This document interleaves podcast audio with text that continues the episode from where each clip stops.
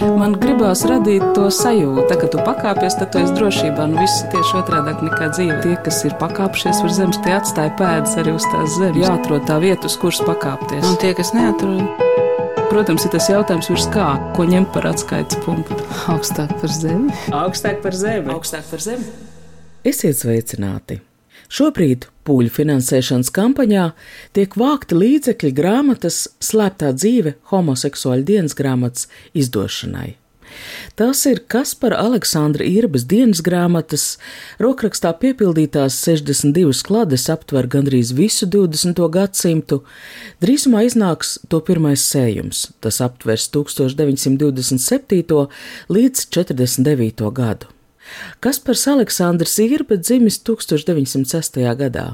Viņa senākās atmiņas saistās ar Pirmā pasaules kara notikumiem, kad kopā ar vecākiem viņš bija devies paskatīties, kā armija strateģiskos manevros dubultos nodedzina strīpu koka ēku, un to iedzīvotāji, vēl pavisam nesen tuvi kaimiņi, tagad pako mantas dodoties bēgļu gaitās. Taču kladēs ir Latvijas valsts dibināšana, Vācu padomju okupācijas periods, viss padomju laiks un atkal Latvijas valsts neatkarības atjaunošana. Politikā Kaspars Aleksandrs Irba nav pārlieku jaucies, taču lasīs avīzes cīņu, komentējot izlasīto savās dienas grāmatās, arī strādājot kā tiesu izpildītājs, viņš redzējis padomu laiku sadzīves skarbo pusi. Šodienas grāmatu var lasīt gan kā personības augšanas stāstu mūža garumā, gan lielo vēstures notikumu aculiecinieku vēstījumu, taču unikāli to padara padomu laikā krimināli sodāmās, tāpēc citu acīm slēptās, noklusētās homoseksuāļu subkultūras apraksti. Dienas grāmatas izdošanu organizē biedrības centumu kopā ar lesbiešu, geju, biseksuāļu, transpersonu un viņu draugu apvienību Mozaīka, un jau šobrīd ir zināms, ka grāmata iznāks augustā, praida laikā. Jā, šo dienas grāmatu publiskošana ir daļa arī no politiskas cīņas. Mans vārds ir Anna Bušvica, un šai raidījumā kopā ar vēstures doktori, topošās grāmatas ievadu komentāru autori Inetu Lipši mēģināšu rast argumentus arī, kāpēc cilvēku seksualitāte 20. gadsimtā kļuvusi par būtisku filozofijas vēstures pētījumu tēmu, kādu postu tās aptveršanā nodarījis padomu laika noklusējums, kā viss sākās kas par Aleksandra Irbas dienas grāmatu mantinieks ir vēsturnieks Ainārs Radovits. Inetas Lipšas rokās tās nonāca pēc kādas publikācijas sociālajos tīklos. Ainārs man uzrakstīja un piedāvāja izlasīt dienas grāmatu, kad es Facebookā biju ielikusi ziņu, ko bija rakstījis viens poļu vēsturnieks. Lukas Šulcs bija uzrakstījis tādu rakstiņu par 85. gada operāciju Hiacinte Polijā, kur eh, milicija reģistrēja homoseksuāļus. Tajā gadā bija reģistrēta apmēram 11,000. Un es pierakstīju to savu komentāru, ka nu, būtu labi vismaz kaut ko dabūt zināt par attiecīgām norisēm eh, padomju Latvijā. Un viens impulss bija arī, protams, eh, Es tobrīd rakstīju vācu materiālus mazai tādai oranžai grāmatiņai, par LGBT vēsturi Latvijā pēdējos simts gados. Un 17. gadā tika izdota grāmatiņa latviešu valodā, un 18. gadā tās tulkojums angļu valodā. Un šajā te tajā oranžajā grāmatiņā viņi varētu nosaukt par tādu lakonisku ceļvedi citādās seksualitātes vēsturē Latvijā pēdējos simts gados. Un, protams, tas ietver ne tikai starpkaru posmu, ko es jau diezgan labi zināju, kas man monogrāfijā bija aprakstīts. Un es meklēju arī par padomu periodu informāciju. Pareizi, tā tas bija. Un tad es arī skatījos Latvijas eh, Nacionālajā arhīvā, Latvijas valsts arhīvā, kur glabājas padomu perioda dokumenti. Un es skatījos tautas tiesās notiesāto homoseksuāļu kriminālu lietu spriedumus, un tad eh, arī statistiku skatījos. Tādā veidā tas kaut kā saslēdzās ar to interesi par poļu vēsturnieku uzrakstīto. Ja līdz tam lielākā mana uzmanības daļa bija pievērsta heteroseksuāļiem, heteroseksualitātes vēsturē, kas ir saistīta gan ar reproduktīvo seksualitāti un tam līdzīgi, tad e, šī dienas grāmata man ierosināja vairāk e, novērst to uzmanību, koncentrēt uz šo te mazāk zināmo, faktiski vispār nezināmo, jo dienas grāmata ir, es uzskatu, absolūti unikāls vēstures piemineklis, es pat tā teiktu, teksta formātā. 2014. gadā iznāca Inets Lipšas monogrāfija Seksualitāte un sociālā kontrola Latvijā 1914. 1939. gads. Es jautāju, vai vieglāk bija atrast materiālu šim pētījumam par Latvijas starpkara periodu vai padomu laiku? Es teiktu, ka padomu laiku ir netik viegli iegūt informāciju, tāpēc, ka, piemēram, tajos ego dokumentos, kas ir dienas grāmatas atmiņas un tā tālāk, pārsvarā seksualitātes tēma, nu, labākajā gadījumā tiek pieminēta un tā garām ejot. Tas viens būtiskais, kas atšķir to starpkaru periodu no padomu perioda, protams, ir tas, ka starpkaru periodā līdz Ulmaņa režīmām, līdz 34. gadam, prese, tiešām kā demokrātiskā parlamentārās demokrātijas prese, kurā nav cenzūras, pastāv vārdu brīvība, ir ļoti dažādas publikācijas arī par to, kas saistās ar seksualitāti. Toreiz no diskusijas tās tika publicētas, jo tas, protams, bija seksualitātes jautājumi, bija tāds, nu, tā kā intriģējošs jautājums, par kuru dažāda rakstura presē centās arī ziņot. Piemēram, šie disputi par par tām modernajām sievietēm, vai vajadzētu skolās mācīt bērniem šīs seksuālās zināšanas, cik lielā mērā vajadzētu to darīt un tam līdzīgi. Tad mēs, protams, padomu periodā nekā tāda diskursa vispār nav. Līdz ar to, protams, tas uzreiz ierobežo pētniekam iespējas paņem dažas preses izdevumus starpkaru Latvijā, un tu gūsti priekšstatu par to, ko publiskajā telpā diskutēja, kādi jautājumi bija svarīgi, kuros brīžos bija svarīgi, kāpēc tas kļuva svarīgi tieši tajos brīžos, kas to ietekmē, kādas parlamentārās frakcijas iesaistījās, kādi politiķi iesaistījās. Padomu periodā visa tā nav. Padomu periodā mums tā tad ir jāmēģina saskrabināt tā informācija pa visādām druskām, driskām un tam līdzīgi. Mēs ejam cauri nu, būtu jāiet cauri atmiņām, dienas grāmatām, dzīves stāstiem. Šādas liecības cilvēku rakstītajā lielākoties var atrast nejauši. Citādi tas ir ar Kaspara Aleksandra Irbas dienas grāmatām, kuras viņš jo īpaši vēlākajos gados diezgan mērķiecīgi rakstījis kā padomu laika dzīves noklusētās puses liecību. Viņš apmeklējis arī homoseksuāļu tiesas prāvas, un dienas grāmatas ir tai vienīgā liecība, jo arhīvu materiālos neatrast ne sēdes gaitu, ne skatītāju aprakstu, labākajā gadījumā saglabāts tiek spriedums. Jūs arī uzskatāt, ka vispār es saprotu, ka ne tikai Latvijā, vispār pasaulē šādas homoseksuāļu rakstītas dienas grāmatas, kurā viņi tieši apraksta savus romantiskās atmiņas, tikšanās vietas, partnerus, nu ir uz, es nezinu, abroku pirkstiem saskaitāms.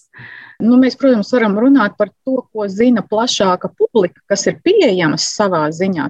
Tad eh, tā varētu teikt, ka tās varētu arī saskaitīt, ja kāds gribētu. Nu, piemēram, labāk zināms ir Lielbritānijā literāta Džordža Īvsa dienas grāmata, kas ir tādam salīdzinājumam, kas ir Nacionālā teātra režisora Alekša Mierlauka laika biedrs. Tātad dzimis 17. gadsimta 60. gados. Tad ir arī Lielbritānijā, savukārt Irbes laika biedri ir dzimis sestajā gadā, kas ir vienā gadā Ranča Veglīt, ja mēs gribam arī priekšstatīt eh, viņa laika biedrus. Ir eh, gleznotāja Kīta Bona, dienas grāmata, un tas atkal ir gleznotājs, tātad, nu, kā saka, interpretējošās elites vai inteliģences pārstāvis, kur dzīvē cilvēkiem pārsvarā citi principi un citas e, idejas un mērķi valda, nekā tās sauktajiem parastajiem cilvēkiem, kurus varbūt savu dzīvi pieraksta, bet kuru dienas grāmatas netik ļoti līdz 20. E, gadsimta beigām netik ļoti ir interesējušas plašāku auditoriju ja mēs runājam par Padomju Savienības reģionu, pirms otrā pasaules kara arī gleznotājs, piemēram, Konstantīns Somovs vai dzēnieks. Mihails Kuzmins, viņi sāka rakstīt jau Krievijas impērijas laikā savas dienas grāmatas, turpināja 30. gados, kad ir tas pats Padomju Savienības sākums, kas par laimi uz Latvijas teritoriju neatiecās, bet eh, pēc otrā kara arī ir zinām tikai viena dienas grāmata, kas ir saglabājusies, un arī nu, teiksim, šie 18 mēneši ir publicēti. Tas ir tāds eh, padomju estrādes popsas, kā saka dziedātājs Vadims Kozīns. kurš pēc Staļina nāves, jau tad, kad ir tās sauktais atkušņu periods, 55. un 56. gadā, 18 mēnešus bija rakstījis dienas grāmatu, un tā ir publicēta, un kur viņš arī diezgan nu, reflektē par to citādos savu seksualitāti un tām attiecībām ar pārējiem cilvēkiem, par valsts režīmu un tā tālāk.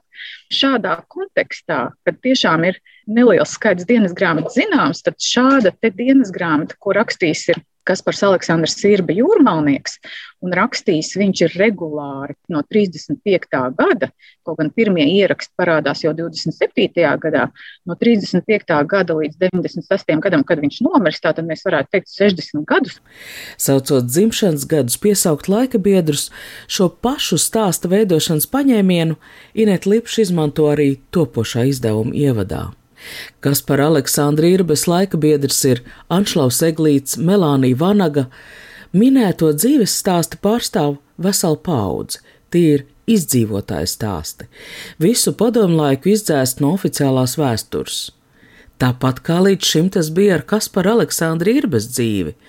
Viņš varētu teikt, ka pārstāv policējus, tos, kuri pamanījās dzīvot padomju realitātē, bet radīt ap sevi pirmskara Latviju šīs seksuālo prakšu vai iepazīšanās vai savstarpējo attiecību lietas, tās nemaz nav lielākā dienas grāmatas daļa, jo ir, ir bijis, nu kā viņam ir bijis neoģimnāzijas izglītība humanitārā, tā tad viņš ir lasījis eh, franču valodā, vācu valodā, krievu, kas pats par sevi arī angļu valodu viņš ir mācījies un kursos viņš mēģināja apgūt latīņu valodu, jo viņam bija interesi tieši par šo te antīkās Grieķijas un senās Romas vēsturi, vispār par vēsturi. Intereses intereses viņam ir plašas, viņš lasa literatūru, viņš pilnīgi izvairās no padomu periodā radītās literatūras lasīšana. Viņš lasa Rietumē Eiropas klasiku, Krievu klasiku, viņš lasa latviešu autorus. Aspāzija ir viņa kulta dzēniece. Viņš lasa latviešu zinātnieku pētījumus padomu laikā gan izdotos par pirmskara radošajām personībām, īpaši teātra aprindas, viņa interesē īpaši baleta aprindas. No 60. gada, tad, kad viņš jau ir jau vecāks un tie viņa romantiskie piedzīvojumi vairs nav tik intensīvi, 60. gadā viņam ir 54 gadi, Viņš sāk regulāri apmeklēt operas, izrādes, viņš ir noskatās visu repertuāru līdz pat 85. gadam. Viņš tur ir kā tāda mēbele. Šajās dienas grāmatās rodams gan tādas kā autodidakta recenzijas par pagājušā gadsimta 60. un 80. gadu operas izrādēm. Visu izrāžu izrāde Irbam ir Wagner Valkīra. To viņš noskatījies 15 reižu. Irba ir arī smilģa fans, iet uz Dailas teātri, jūsmo par Aspazijas vaideloti.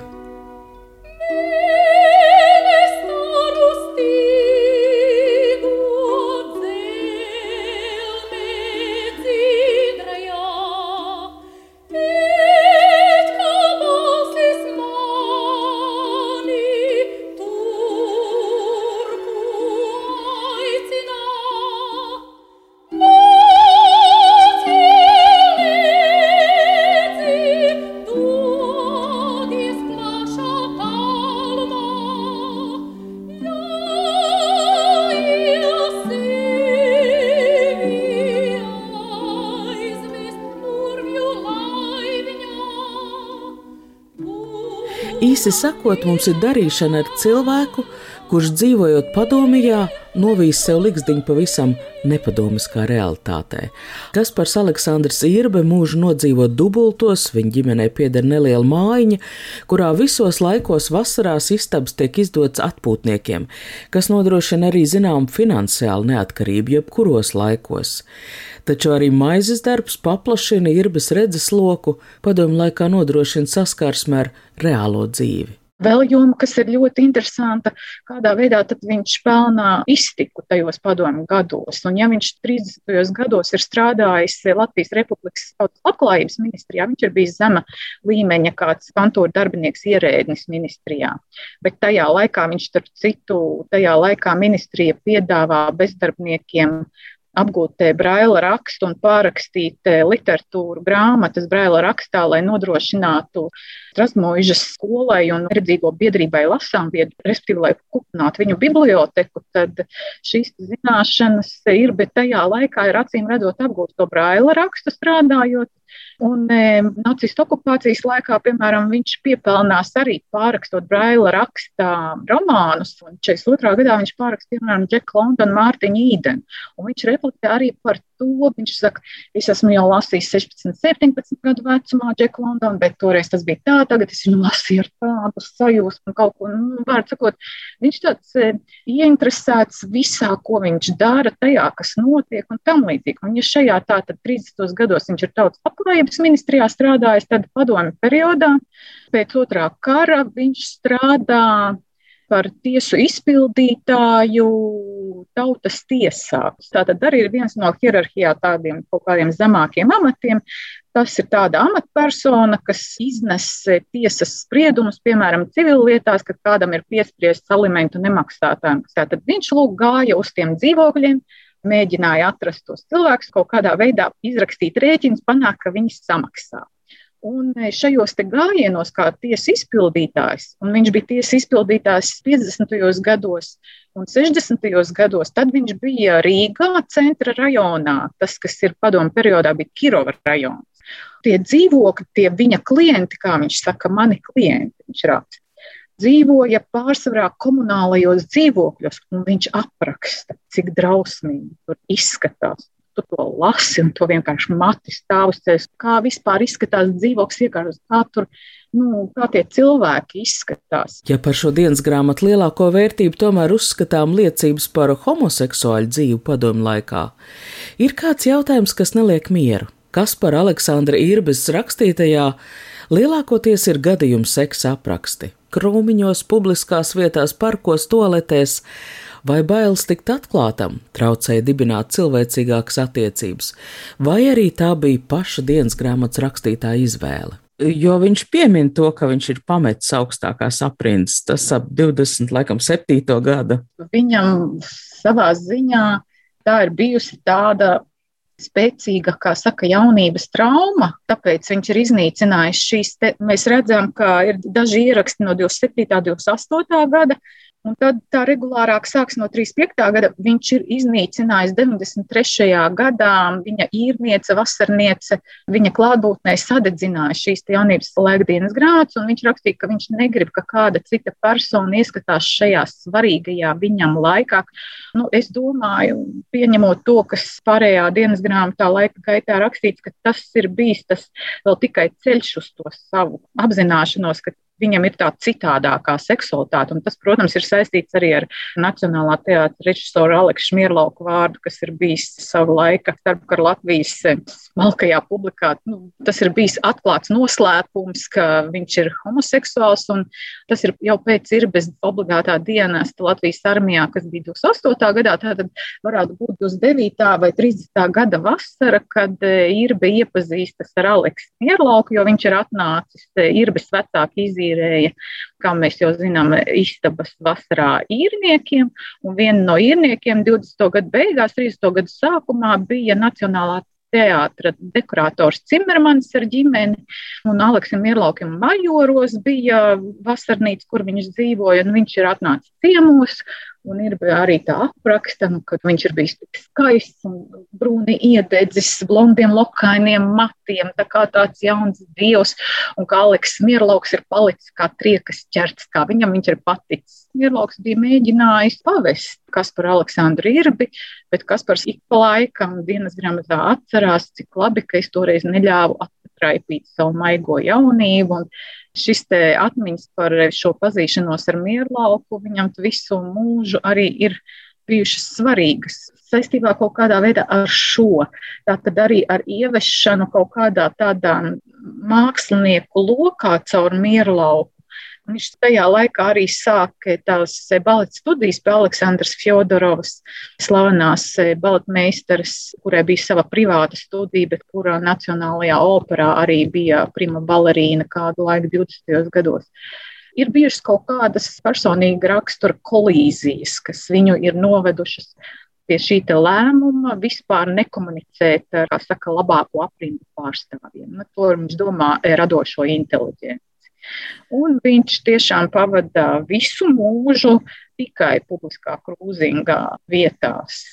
Kad 2018. gadā iznāca vēsturnieka Aina Radovica dubultu vēsturi, es jūsmoju par šo ļoti grezno grāmatu, meklēju iespēju to nopirkt, bet necerēju, ka man izdosies grāmatas jau otrā izdevuma eksemplāru saņemt no autora paša rokām. Jo izrādās neviens cits kā dubultu vēstures autors Ainers Radovits arī ir Kaspar Irbes dienas grāmatu mantinieks. Mēs sēžam vietā, kas saucās Villa Irbe. Jā, tā es viņu nosaucu, jo, nu, kad es mantoju, tad pagāja desmit gadi, kamēr izdevās to māju kaut cik renovēt pamatus jumtu, visu, visu no jauna, starpstāvu pārsegums. Te tikai sienas vien ir palikušas no vecās mājiņas, bet ļoti gribējās saglabāt pilnīgi to imidžu, lai būtu arī logi, durvis, viss būtu īstais, vecais. Un, Šī ir tā vieta, kāds nāks, ka jūs esat šodienas grāmatu mantinieks. Nu jā, mācījos universitātē un kursa biedrs man te iepazīstināja ar savu radinieku Melužos, tādu Rudolfu. Un Rudolfs atkal pazina, kas par īrbi, un kas par īrbi ir mācījies vienā skolā ar manu tēvu. Viņš atcerās manu tēvu kā goda vīru. Un tā runas aizgāja par to, ka es varētu ņemt viņu apgādībā mūža nogalē. Un tā arī notika.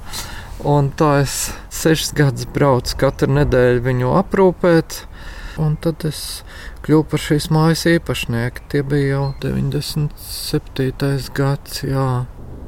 Es saprotu, ka no šīm dienas grāmatām jūs daudz ko izmantojat, lai sarakstītu šo savu dubultu vēsturi. Jā, tas man bija pats vērtīgākais.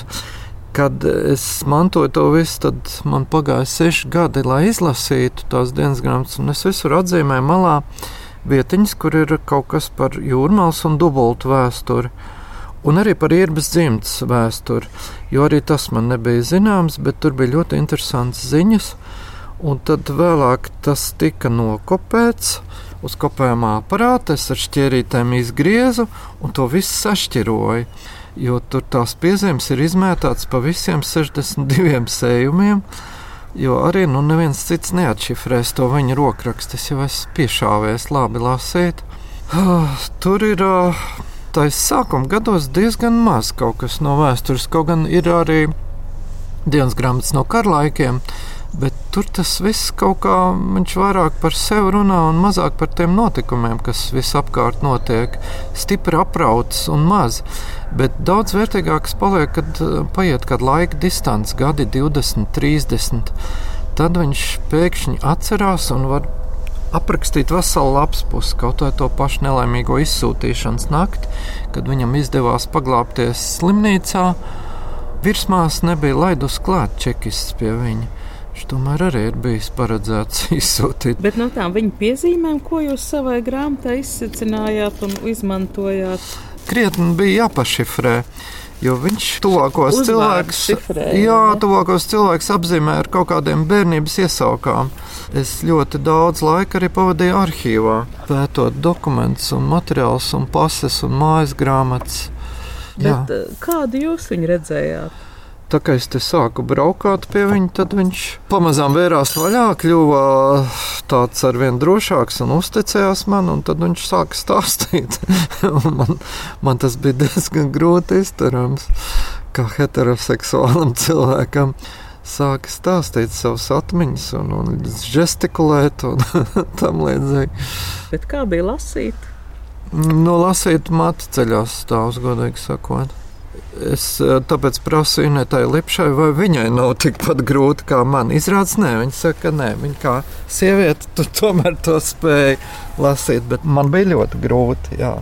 Kas par Aleksandra Irbas atmiņas ir liecība arī par atpūtnieku dzīvi dienas grāmatas eh, viens no iemesliem rakstīšanas ir tāpēc, lai viņš vecumā spētu atcerēties savus romantiskos piedzīvojumus, jo viņš uzskata, ka dzīve bez atmiņām tā vispār nav, tā ir nedzīvota dzīve. Viņa tā metode ir novērošana, ko mēs zinām, tad antropoloģijā, etnogrāfijā ir tā sauktā novērošana, tas viena no metodēm, kā, kāds zinātnieks izmanto, lai iegūtu informāciju par kādu sociālo grupu. Un ir tā arī raksta, es novēroju to, es novēroju to, un viņš novēro ne tikai šajās publiskā krūzinga vietās, nu, teiksim, tajās vietās, publiskajā telpā, Rīgas centrā, kas ir publiskie parki, publiskās toaletes, kur defilē homoseksuāļi, lai iepazītos ar seksuāliem partneriem. Vasarā tādas vietas, protams, ir Rīgas jūrmalā, kur ir kāpas un kur ir virzītas visādi. Un šīs publiskās vietas, kas ir vairāk meža parks, Rīgas jūrmala, izmanto arī vīrieši un sievietes savos romantiskajos meklējumos, piedzīvojumos. Sajūtas to lasot ir duāls kas par Aleksandra Irbas valodu ir izglītota cilvēku valoda, novērojumu pašu piedzīvojumu pierakstīt lakoniski, un tomēr no šī apraksta mēs nepārprotam saprotam, ka Irba ir bijis viens no tiem it kā neredzamajiem cilvēkiem, kas romantisks vakar pastaigas vai publisko pludmaļu apmeklējumu var padarīt derdzīgu. Lūriķis, krūmu pārīts. Tāpat laikā viņa nodoma no šo laiku skatu punkta būtu vērtējama arī kā progresīvi. Viņš iet pret straumi, izpēta paša pieredzē, vērojumā, pierakstot savu un citu seksualitāti. Padomjā tātad seksa nebija, ja šī tēma tika noklusēta, apspiesta, bet viņš iet tieši pretējo ceļu. Viņš vēro, izdara secinājumus, cik es zinu, viņš arī lasīja ārzemju literatūru, lai labāk saprastu savu seksuālo orientāciju ārzemju seksologu grāmatas. Viņš sāka lasīt pēc kara jau padomju okupācijā, kad Rīgā antikvariātā, kas atradās uz Tērbatas un Elizabetes ielas, bija iespējams nopirkt, kas arī man diezgan pārsteidza jau 50. gadu sākumā, grāmatas vācu valodā, kas bija izdots pirms otrā kara, Eiropā, pārsvarā, protams, Vācijā, un tās bija vācu valodā. Tie ir pazīstami vārdi seksoloģijas vēsturē. Magnus Hiršfelds, Ivans Bloks, Augusts Forels. Un ir bija lasot šīs grāmatas, viņš piesavinājās, piemēram, terminoloģiju, jēdzienus, kā kaut ko nosaukt. Tie darbi viņam e, palīdz saprast 40. gadu beigās un vēlāk. Viņš e, izmanto šo Magnus Hiršfelda atziņu, ka homoseksualitāte ir iedzimta un ka tajā nav nekā slikta. Tu tāds esi piedzimis citāds un tu tā citādi dzīvo.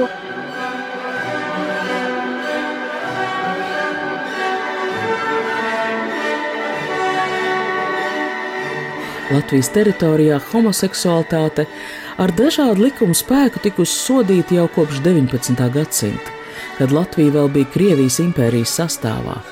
1918. gada 18. novembrī dibinātā Latvijas republika šai konkrētajā jomā pārņēma cariskās Krievijas likuma praksi, kas paredzēja sodu ar ieslodzījumu cietumā uz laiku ne mazāk par trim mēnešiem. Inetas Lipšas grāmatā LGBTI vēsture Latvijā pēdējos simts gados varam izsekot, ka 1961. gadā pieņemtajā padomju Latvijas krimināla kodeksā sods bija paredzēts uz laiku no 3 līdz 5 gadiem. Tikai 1992. gadā Pasaules veselības organizācija homoseksuālismu izņēma no garīgo slimību saraksta. 1992. gada 1. martā jau neatkarīgajā Latvijā likums, kas noteica, ka homoseksualitāte ir sodām, tika atcelts. Kaspars Aleksandrs Irbe izmantoja savu izglītību, valodas zināšanas, materiālās iespējas, lai ne vairāk kā nodzīvotu iedzīgu dzīvi, lai būtu ko atcerēties, lai pierakstītu. Viņš jau kaut kur ir ierakstījis, ka būtu ļoti jauki, ja tas viss nonāktu pētnieku rokās, kas ar uzmanību to visu izvērtētu. Tad viņš jau rakstot, ir nu, apzinājies, ka viņš raksta vēsturi. Jā, mums tāda pārliecība ir visiem. Jo dienas grāmatas viņš vispirms ir rakstījis melnrakstu, un tad ir pārrakstījis. Mums ir viena klāte, kas ir tikai melnraksts. Tad cilvēks jau diezgan apzināti ir rakstījis.